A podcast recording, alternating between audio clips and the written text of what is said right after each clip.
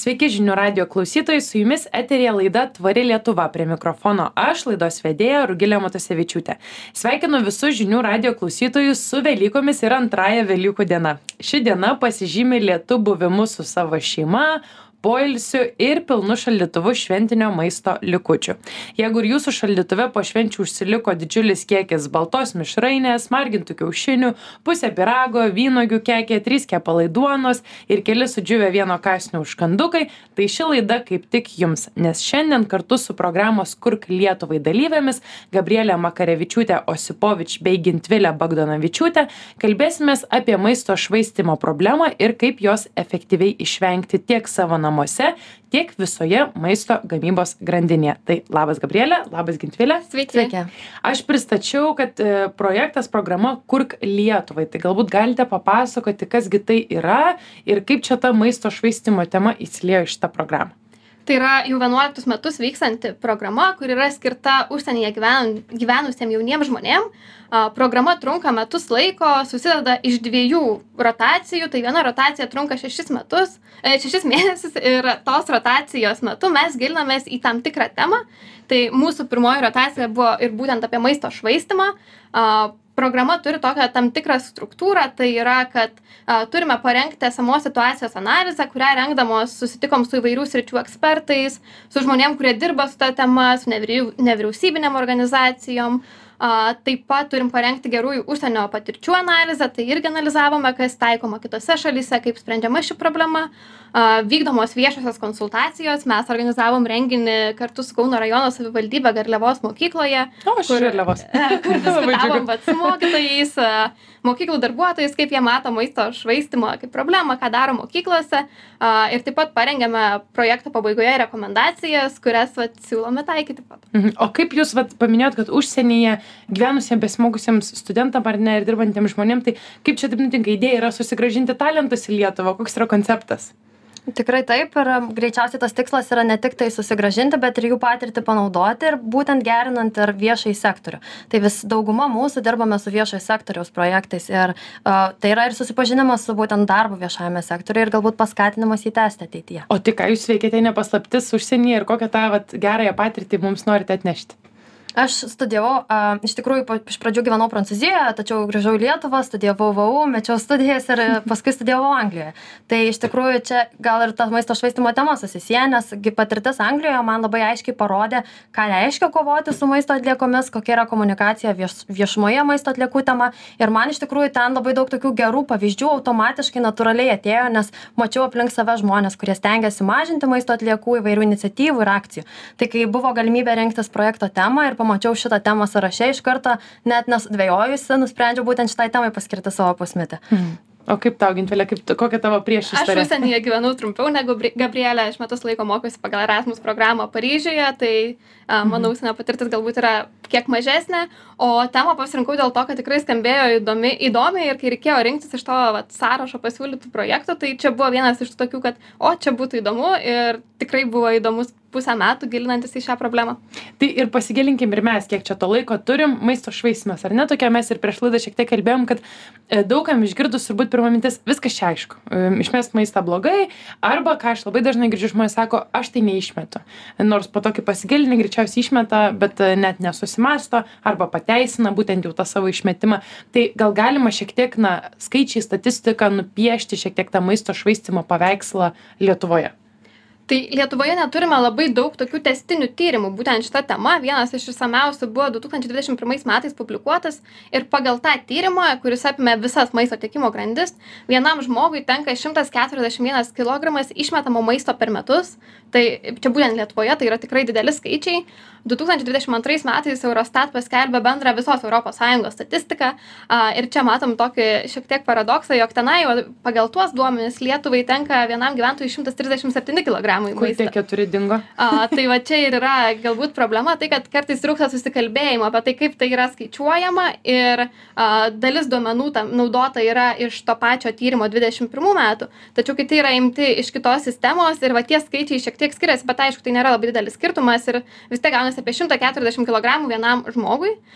Lyginant su Europos statistika, tai Europos statistika taip pat keičiasi, kadangi šalis skirtingų metų pateikia duomenis, tai šios dienos duomenimis, tai vienam gyventojui Europos Sąjungoje vidutiniškai tenka 131 kg maisto atliekų. Mhm. Ir galim pasidžiaugti, jog mes išmetam mažiau maisto negu mūsų kaiminė Latvija. Na, mes mėgstam pakonkuruoti su Latvijais. Tačiau? Estai ir Lenkai išmeta maisto mažiau negu mes. Ai, aha, tai žodžiu, galim prieš Lenkus pasididžiuoti, bet prieš, prieš Prieš Latvius pasididžiuoti, bet prieš Lenkus, o taip apskritai pasauliniam ar ne kontekste, na, toks kaip yra nusistovėjęs mąstymas, kad kuo šalis turtingesnė, tuo ji labiau šiaip apskritai teršia. Tai ar ir čia tas pasteisina, ar ne, kad, na, Europa, vakarų valstybės, Amerika yra tos didžiausios švaistūnės maisto klausimų. dažnai kalbama teršiame kuo geriau gyvename tuo daugiau iki tam tikros ribos. Kad su ta ekonomine vystymosi kryptimi pažanga ateina ir suvokimas jog reikia šioms ekonomi ekologinėms problemoms dėti tašką. Tai tą patį galėtume matyti ir europoje ir iš tikrųjų situacija tokia kad aišku mes mėgstame pasižiūrėti į labiau sakykime tas išsivysčiusias ekologiniais a, klausimais šalis ypač į skandinaviją kaip į gerųjų praktikų šaltinį. A, šiuo metu matome kad jos nėra pirmaujančios maisto atliekų klausimu tačiau jos turėjo dar blogesnius rodiklius. Mhm. tai vis dėlto galėtume matyti kad įdirbis jų šitų šalių jau yra ne taip kaip lietuvos kuri yra vis visai šviežia šitos problemos lauke ir sprendimuose. Ir aišku čia ir kalbame visą laiką o ką mes skaičiuojame nes iš tikrųjų mes tiksliai negalime pasakyti ar visos šalys tą patį skaičiuoja ir ar tikrai tą patį pateikia kaip rodiklius kuriais mes lyginamės. Nes čia ir buvo mūsų viena didžiausių projekto problemų išsiaiškinti kaip yra suprantamos tos maisto atliekos kadangi pavyzdžiui jeigu lyginam apskritai pasaulio mastu tai sakoma jie maisto daug maisto daug šalių besivystančių šalių maisto atliekų nelabai daug turi nes jos susidaro maistui jau patekus į tiekimo grandinę o dažniausiai ten maistas yra vadinami maisto praradimai arba food loss yra jis prarandamas dar iki patekimo iki gran į grandinę. Tai būtent dėl ekologinių problemų dėl sausrų lietaus netinkamų sandėliavimo sąlygų ir tokių problemų žinoma išsivysčiusiose šalyse žymiai mažiau. Tai vėlgi tada matome kad e, atrodo kad problema ta pati tiek vienur tiek kitur maistas nepasiekia vartotojo tačiau kadangi skirtingos sąvokos pritaikomos tarsi gaunasi kad pas mus yra maisto atliekų labai daug o tose šalyse jų nėra tai yra tik maisto praradimai O kaip, kur mes to maisto vat, išmetam daugiausiai Lietuvoje ar Europoje, lyginant, na, čia vat minėjome ir tie food laws, bet turbūt, kad pas mus tas maistas yra išmetamas kur, namuose, Tai kavinėse? daugiausiai maisto ne tik Lietuvoje, bet ir kitose šalyse. Lietuvoje tai būtų apie 61 procentą yra išmetama būtent namų ūkiuose. Tai reiškia, jau kai žmonės parsineša į namus, jau tenai susidaro didžiausias kiekis. A, Kalbant apie taip duomenis, kurie dabar yra, tai pavyzdžiui, Lietuvoje viešojo maitinimo sektoriui tenka tik tai 1 procentas išmetamo a, maisto. Kas turbūt labai prieštarauja tam, ką žmonės galvoja. Taip, ir, tai, ir visoje Europoje tenka šiaip daugiau, bet Lietuvoje tas tyrimas buvo daromas tuo metu, kai dar buvo koronaviruso pandemijos Mm. suvaržymai. Ir yra tikimybė, jog tie duomenys nėra visiškai tikslus, kadangi buvo taikomi tam sektoriui apribojimai. Tad Mhm. mhm. sunku, sunku įvertinti, ar tikrai tie skaičiai yra tokie, kaip yra iš tikro. Bet vis tiek, na, kai taip ir sako apie maisto švaistimą, kad tai viena iš problemų, kur mes, nes dažnai mes, kai kalbam apie tvarumą, tai sakom, kad čia didžioji pramonė turi keistis, valdžia turi kažkokius įstatymus dėkti, bet maisto švaistimas yra viena iš tų problemų, kuri tikrai gali būti sprendžiama mūsų pačių namuose, pats vartotojas ar ne, na, gali prisidėti. Tai kokio maisto mes išmetam daugiausiai? Ar yra kažkokie produktai, kur mes, nu, ypatingai nemokam jų taip nusipirkti, susiplanuoti, kad jų būtų išmesta mažiau? Aišku daugiausiai išmetame greitai gendančių maisto produktų. E, daugiausiai visame pasaulyje europos sąjungos šalyse ne tik lietuvoje kalbama apie šviežius vaisius ir daržoves. Ypač dar da dažnai gaila yra to kad jie yra atvežami iš kitų šalių ypač žiemos sezono metu. Taip pat švieži duonos gaminiai kurie yra nepakuoti ir dėl to džiūsta ir genda daug greičiau. Tai šie produktai iš tikrųjų net nėra žymimi dažniausiai galiojimo data. Ir jie labai greitai nukeliauja kadangi į šiukšliadėžę kadangi jie tiesiog yra trumpo vartojimo. Žinoma labai gaila mažiau išmetama bet jie turi didesnį poveikį aplinkai tai yra gyvūninės kilmės produktų. Vėlgi kalbama pasaulyje europoje apie jogurto tą vadinamą epidemiją. Ir mąstoma kad apie kažkur penktadalis viso europos sąjungoje pad- pagaminto jogurto yra išmetama o pusė tų pakelių yra išmetama net neatidarytų. Tai iš tikrųjų yra didžiulė netektis dar ir todėl kad jogurtas vis dėlto yra fermentuoto pieno produktas tai gali būti kad tas galiojimo terminas yra na ne iki galo tikslus ir būtų galima ir patikrinti pačiam paragavus pauosčius a, bet žmonės dažniausiai to net nedaro ir gaunasi taip kad iš tikrųjų tų gyvūninės kilmės produktų kurie daro didžiausią poveikį aplinkai kuriems reikia daugiausiai vandens kurie daugiausiai naudoja kurie kuriuos gaminant išskiriama daugiausiai šiltnamio efektą sukeliančių dujų kad jų išmetame tiek kad iš tikrųjų tie resursai nueina veltui. Čia apie mėsą tai net nekalbam žinoma. Am, tai va toks tokios tos tendencijos bet iš tikrųjų a, matome kad tų tokių ilgai galiojančių produktų kurie sakykim tie vadinami spintelės sausieji produktai jų išmetama mažiausiai. Ir vėlgi greičiausiai natūralu kodėl? Nes dažnai tikrai mes jeigu turime ryžių pakelį net nepažiūrime kita kokia ta data kitoje pusėje ir tiesiog sunaudojame jį. Tai vat vėlgi tie ryžiai džiovinti produktai konservuoti produktai jie yra išmetami daug mažiau. Kas mus paskatina išmesti na kokia nes iš tiesų iš to ką kalbate girdisi toks na mes nepasižiūrim nepauostom nesusimąstom toks ir psichologinis momentas kodėl žmogus tą maistą išmeta. Ir aš kiek žinau kad psichologai tyrinėja kad yra tokie na faktoriai kuriom kurie mus paskatina. Ten tarkim išaugo mūsų šaldytuvų dydžiai ten ki- kažkiek procentų nu, palyginus nuo devyniasdešimtųjų. Didesnis šaldytuvas prigrūdi daugiau maisto vadinas daugiau išmeti. Tai galbūt žino tokių na tokių psichologinių aspektų kurie žmogų paskatina ar prisipirkti daug ar po to išmesti tą maistą ir panašiai Tai galbūt vienas iš tokių yra a, nuolaidos prekybos centruose, kuomet perki vieną, antras yra nemokamai, arba kuo didesnę pakuotę perki, tuo pigiau išeina ir dažnai tiesiog yra įsigijama neįvertinus, ar man tikrai to reikia ir ar tikrai pajėgsiu tai suvartoti tol, kol tai yra tinkama vartojimui. Nu, Taip pat galėtumėm kalbėti apie patį tokį pagrindinį dalyką. Tai žmonės elementariai a, bijo susirgti ir maisto saugumas irgi yra labai svarbus elementas. Ir aišku, visada kalbame, kad reikia mažinti maisto atliekų kiekį, bet negalime daryti kompromisų su saugumu. Reikia stengtis kuo maksimaliai, kuo ilgiau išlaikyti tą maistą saugų vartoti. Ir čia irgi natūralu, kad žmonės, kurie pamato, kad, pavyzdžiui, jogurto galiojimo a, terminas yra pasibaigęs, natūralu, jie nenori rizikuoti savo sveikatą. Ir čia irgi kalbama ir apie tai, kad būtų verta investuoti į tas technologinės inovacijas, pakuočių inovacijas, kurios padėtų ilgiau produktą išlaikyti šviežią. Nes tai elementariai padeda, a, padeda šitą problemos dalį spręsti. Taip pat, jeigu kalbam apie trumpasias tiekimo grandinės, iš daug pusių jos yra labai geros ir turi daug, daug teigiamų privalumų, bet lygiai taip pat ir maisto atliekų klausimų. Kuo trumpiau tas maistas keliauja iki mūsų, tuo ilgesnis jo gyvenimo laikas mūsų šaldytuve. Tai vėlgi tokie elementarūs atrodo dalykai, kurie iš tikrųjų labai didelį poveikį paskui padaro. Tiems, kurie nesiniai įsijungia radiją, primenu, kad eterėje girdite laidą Tvari Lietuva ir šiandien su projekto Kurk Lietuvai dalyvėmis Gabrielė Maka Makarevičiūtė Osipovič bei Gintvilė Bagdonavičiūtė kalbamės apie maisto švaistimo problemą ir kaip efektyviai jos išvengti, ypatingai, na, Velykų ir to pašventinio stalo kontekste. Man šiaip labai prisiminiau tokį vieną tyrimą, um, vienas universitetas pastebėjo, kad valgykloje labai daug uh, studentai išmeta maisto ir jie padarė vieną labai paprastą eksperimentą, atsisakė padėklų. Ir tu gali pasimti tiek maisto, kiek telpa į tavo rankas ir maisto švaistimas sumažėjo daugiau nei trečdaliu. E, Pas juos iš karto e, efektyviai buvo pasti, pastebėta ir po to iš to, kiek psichologai tyrinėjo, kad mes apskritai mėgstam užpildyti tuščias erdves. Tai vadinasi, kuo didesnis šaldytuvas, kuo didesnė lėkštė ir aš pati pastebiu, jeigu pasiemu iš lentynos didesnę lėkštę, tai ir kaip taisyklė ir prisikraunu į tą lėkštę daugiau ir tada ir privalgo daugiau. Tai čia turbūt irgi galbūt tokia labai maža taisyklė pasižiūrėti, na, vien į ką mes dedame tą maistą Taip, ir bet to mes tokį pavyzdį irgi tikrai naudodavom, kad padė nuotraukas buvom ratę, kur yra tas pats maisto kiekis skirtingose lėkštėse ir kaip tai atrodo. Ir iš tikrųjų tai yra pradedama taikyti, mažinti indus ir užsienyje viešbučiuose teko pastebėti, kad tie indeliai iš švediško stalo maitinimas, kur yra pusryčiam, jie yra mažesni pateikiami, kad tu gali grįžti įsidėti dar kartą bet Mhm. nebūtina iš karto prisidėti. Švediškas stalas Tai- apskritai, man atrodo, yra toksai vienas iš labai stipriai paskatinančių prisikrauti per daug ir, ir, ir, ir besaikiškai. Dar įdomu tas toks paveikslas e, to žmogaus, kuris išmeta. Amžius, lytis, išsilavinimas, ekonominis kažkoks statusas. Turi faktorių, ar žmogus išmeta. Yra kažkokių tokių tyrimų padaryti ar nėra? Mes iš tikrųjų žiūrėjome rezult, tyrimų rezultatus ir matom, kad yra tam tikros tendencijos ir labai ryški tendencija yra amžius. Jauni žmonės, nepaisant to, kad jie daugiau žino apie maisto švaistimo problemą ir jos žalą, jie yra linkę išmesti daugiau maisto ir net tokio pat dydžio namų ūkiai, jeigu juose yra jaunimo ir vaikų, yra linkę išmesti daugiau negu namų ūkiai, kuriuose gyvena tik suaugusieji. Ir tai, žinoma, galima paaiškinti tuo, kad na, labai sunku prognozuoti vaikų valgymo įpročius, jų apetitą ir panašiai. Tačiau iš esmės daugiausiai vis tiek tyrėjai akcentuoja kad tie demografiniai arba sociodemografiniai faktoriai nėra esminiai o esminiai sakykim kriterijai kurie nulemia ar žmogus išmeta daug maisto ar ne vis dėlto yra jo elgesys su maistu. Jeigu apla apklaustumėm žmones gatvėje ir klaustumėme jų pavyzdžiui ar jūs vartojat suvalgote maisto likučius? Tokius kokie yra arba panaudojat kitam patiekalui ar jūs planuojate savo apsipirkimus ar jūs tiksliai numatote kiek jums reikia pagaminti porcijų?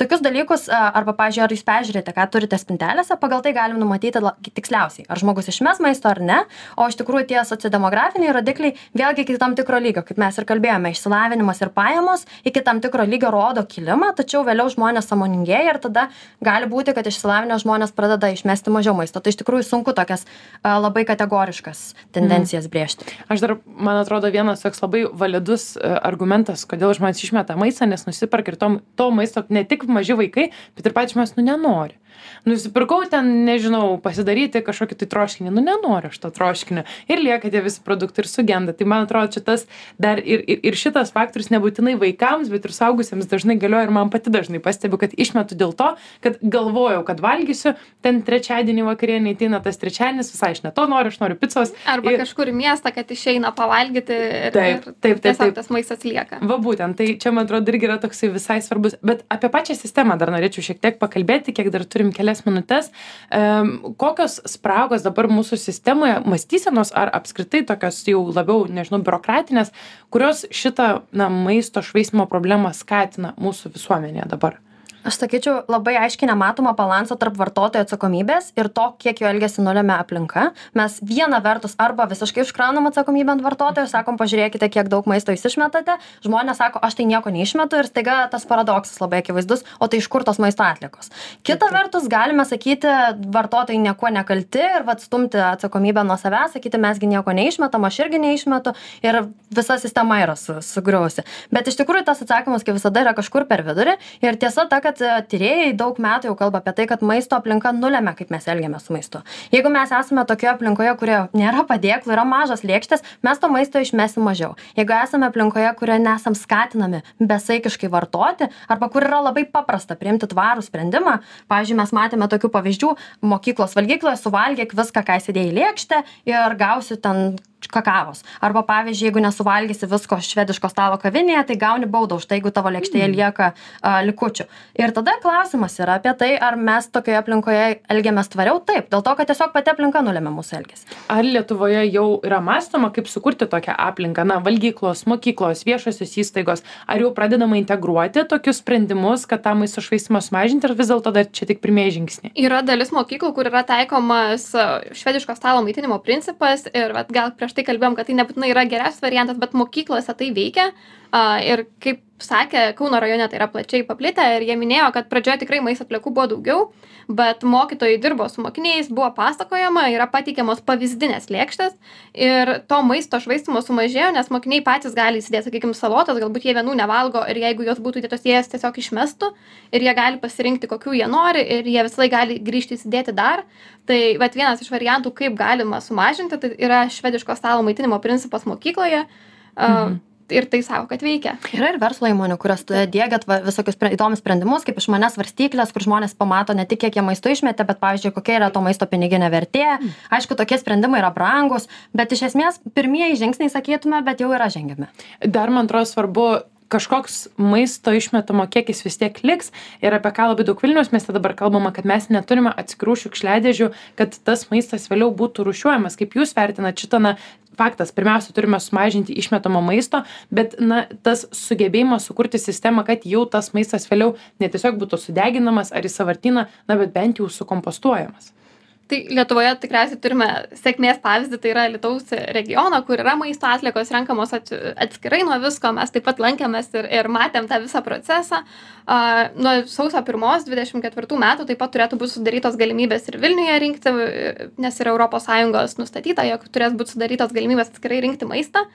Tai galbūt tada žmonės kai turės galimybę jie galbūt pradės galvoti apie tai ir būtent tą maistą atskirai rūšiuoti ir galbūt bus lengviau galima įvertinti kiek iš tikro to maisto išmeti kai matysi atskirai renkamą jį ir suprasi kad tai yra tikrai didelė dalis būtent visų tų buitinių atliekų kurios susidaro. Ir šiek tiek mažiau sąžinė grauš aišku vis tiek blogai bet bent jau žinosi kad jeigu tai bus sukompostuojama vėliau panaudojama kaip kažkokios organinės trąšos ar ar ar kažkoks kitas tai produktas tai man atrodo šiek tiek bus ramiau. Pabaigai mes kaip tik pačioj laidos pradžioj užsiminėm užsiminėm apie valstybes na kitas. Ir aš norėjau paklaust apie valstybės pavyzdžius nes minėjot kad skandinavai ženkliai sumažino savo tą maisto švaistymo kiekį bet nėra lyderiai tarp tų kurie išmeta mažiausiai. O tai kas yra tie lyderiai labai įdomu. Iš tikrųjų kadangi šiuo metu mūsų tuose reitinguose kai mes pagal eurostat duomenis šalis reitingavome matome tas vadinamas tokias e, labiau rytų centrinės europos valstybes kaip e, slovėnija bulgarija. E, lenkija atrodo tikrai gerai bendrame kontekste. Ką jos daro kitokio negu kitos šalys tai iš tikrųjų kai kurios iš jų pasitelkia ganėtinai griežtą prekybos veiklos reguliavimą reikalauja turėti konkrečias strategijas kaip sumažinti maisto atliekų privalomą bendradarbiavimo sutartį su maistą priimančiomis organizacijomis organizacijomis ir taip teisiškai formuluoja šitą tikslą. E, kiti galimi būdai yra, pavyzdžiui, socialinės parduotuvės, tome pačiame regione ganėtinai dažnos. Vėlgi neaišku, kiek jos yra ekonomiškai pasiteisinančios, nes reikia savanorių, reikia, kad kažkas juose dirbtų ir maistas yra tikrai neparduodamas e, tokia pačia kaina, kuriame, nes tokiuose parduotuvėse dažniausiai parduodamas besibaigiančio arba pasibaigusio galiojimo maistas. Tai vėlgi toks, tokie, tokie yra jų pasiūlymai, bet mes matome ir labai aiškę tokią teigiamą praktiką, tai yra kviesti žmonės bendradarbiauti ir pasirašyti savanoriškus susitarimus. Tai pavyzdžiui, verslo atstovai, viešo maitinimo įstaigų atstovai galėtų pasirašyti susitarimus su valstybinėmis institucijomis, kad visi kartu siekiam tikslų, išsikeliam tuos pačius tikslus ir dalinamės duomenimis bei patirtimi.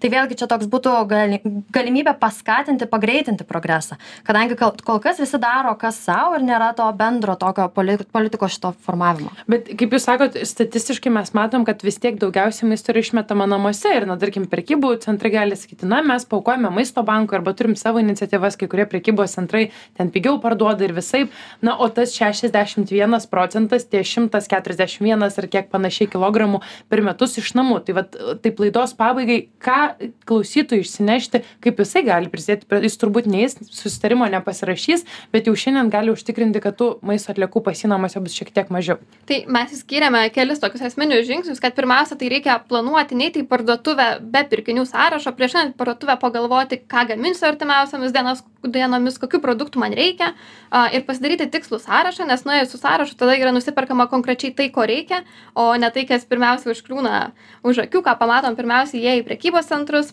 a, taip pat pat labai svarbu yra gebėti apskaičiuoti kiek maisto pagaminti reikia vienai porcijai. Pavyzdžiui kiek gaminama maisto kad nesigautų labai didelis likučių kiekis kurio dažnai po to nieks ir nevalgo. Bet likučius taip pat galima panaudoti vėliau ir galbūt galima ir tiesiog pasišildyti bet kartais galima pritaikyti ir kitą patiekalą gaminant Čia dabar po Velykų kalbant. Mes taip, turėjom prieš taip. Velykas kalbėti ir sakyti, kaip reikia suplanuoti Velykų stalą. O kai jis jau suplanuotas, ką tada daryti, man atrodo, kartais mums pritrūksta tiesiog elementaraus noro bendrauti maisto klausimu. Mes visada galime pasikviesti kitus ir net jeigu tie likučiai yra tokie nuobodus, mes tikrai galėtumėm įjungti savo kūrybiškumą ir pagalvoti, kaip juos panaudoti. Tikrai taip, man labai geras buvo pavyzdys, aplankiau savo giminaičius ir prieš išvažiuojant teta, žiūri, išsitraukė dėžutę, nusipirkusi visą pakuotę tų tokių išsinešimų dėžučių dėžučių daugkartinių, visiems išdalino po vieną, sako, kraukitės. Ir visi dedasi, dedasi, kas ką nori, ta dėžutė lieka tau, tu kaip ir visai apsidžiaugi, turėsi į kur pietus darbą nusinešti. Ir išsineši maistą, kuris tau patinka. Ir tokia atrodo mažas sprendimas, bet tikrai maisto likučių tų ant stalo nebeliko ir visi grįžo namo ir dar po to kitą dieną skaniai papietavo. Tai ačiū Jums labai už pokalbį, klausytojams primenu, kad eterėje girdėjote laidą Tvari Lietuva. Ir šiandien su projekto Kurk Lietuvai dalyvėmis Gabrielė ir Gintvilė kalbėjomės apie maisto švaistimą vystymo problemą ir kaip efektyviai jos išvengti. Na, o jeigu jums patinka tokios ar panašios temos, visada daugiau informacijos rasite www.tvarilietuva.lt. Ačiū Jums už pokalbį. Dėkui. Ačiū.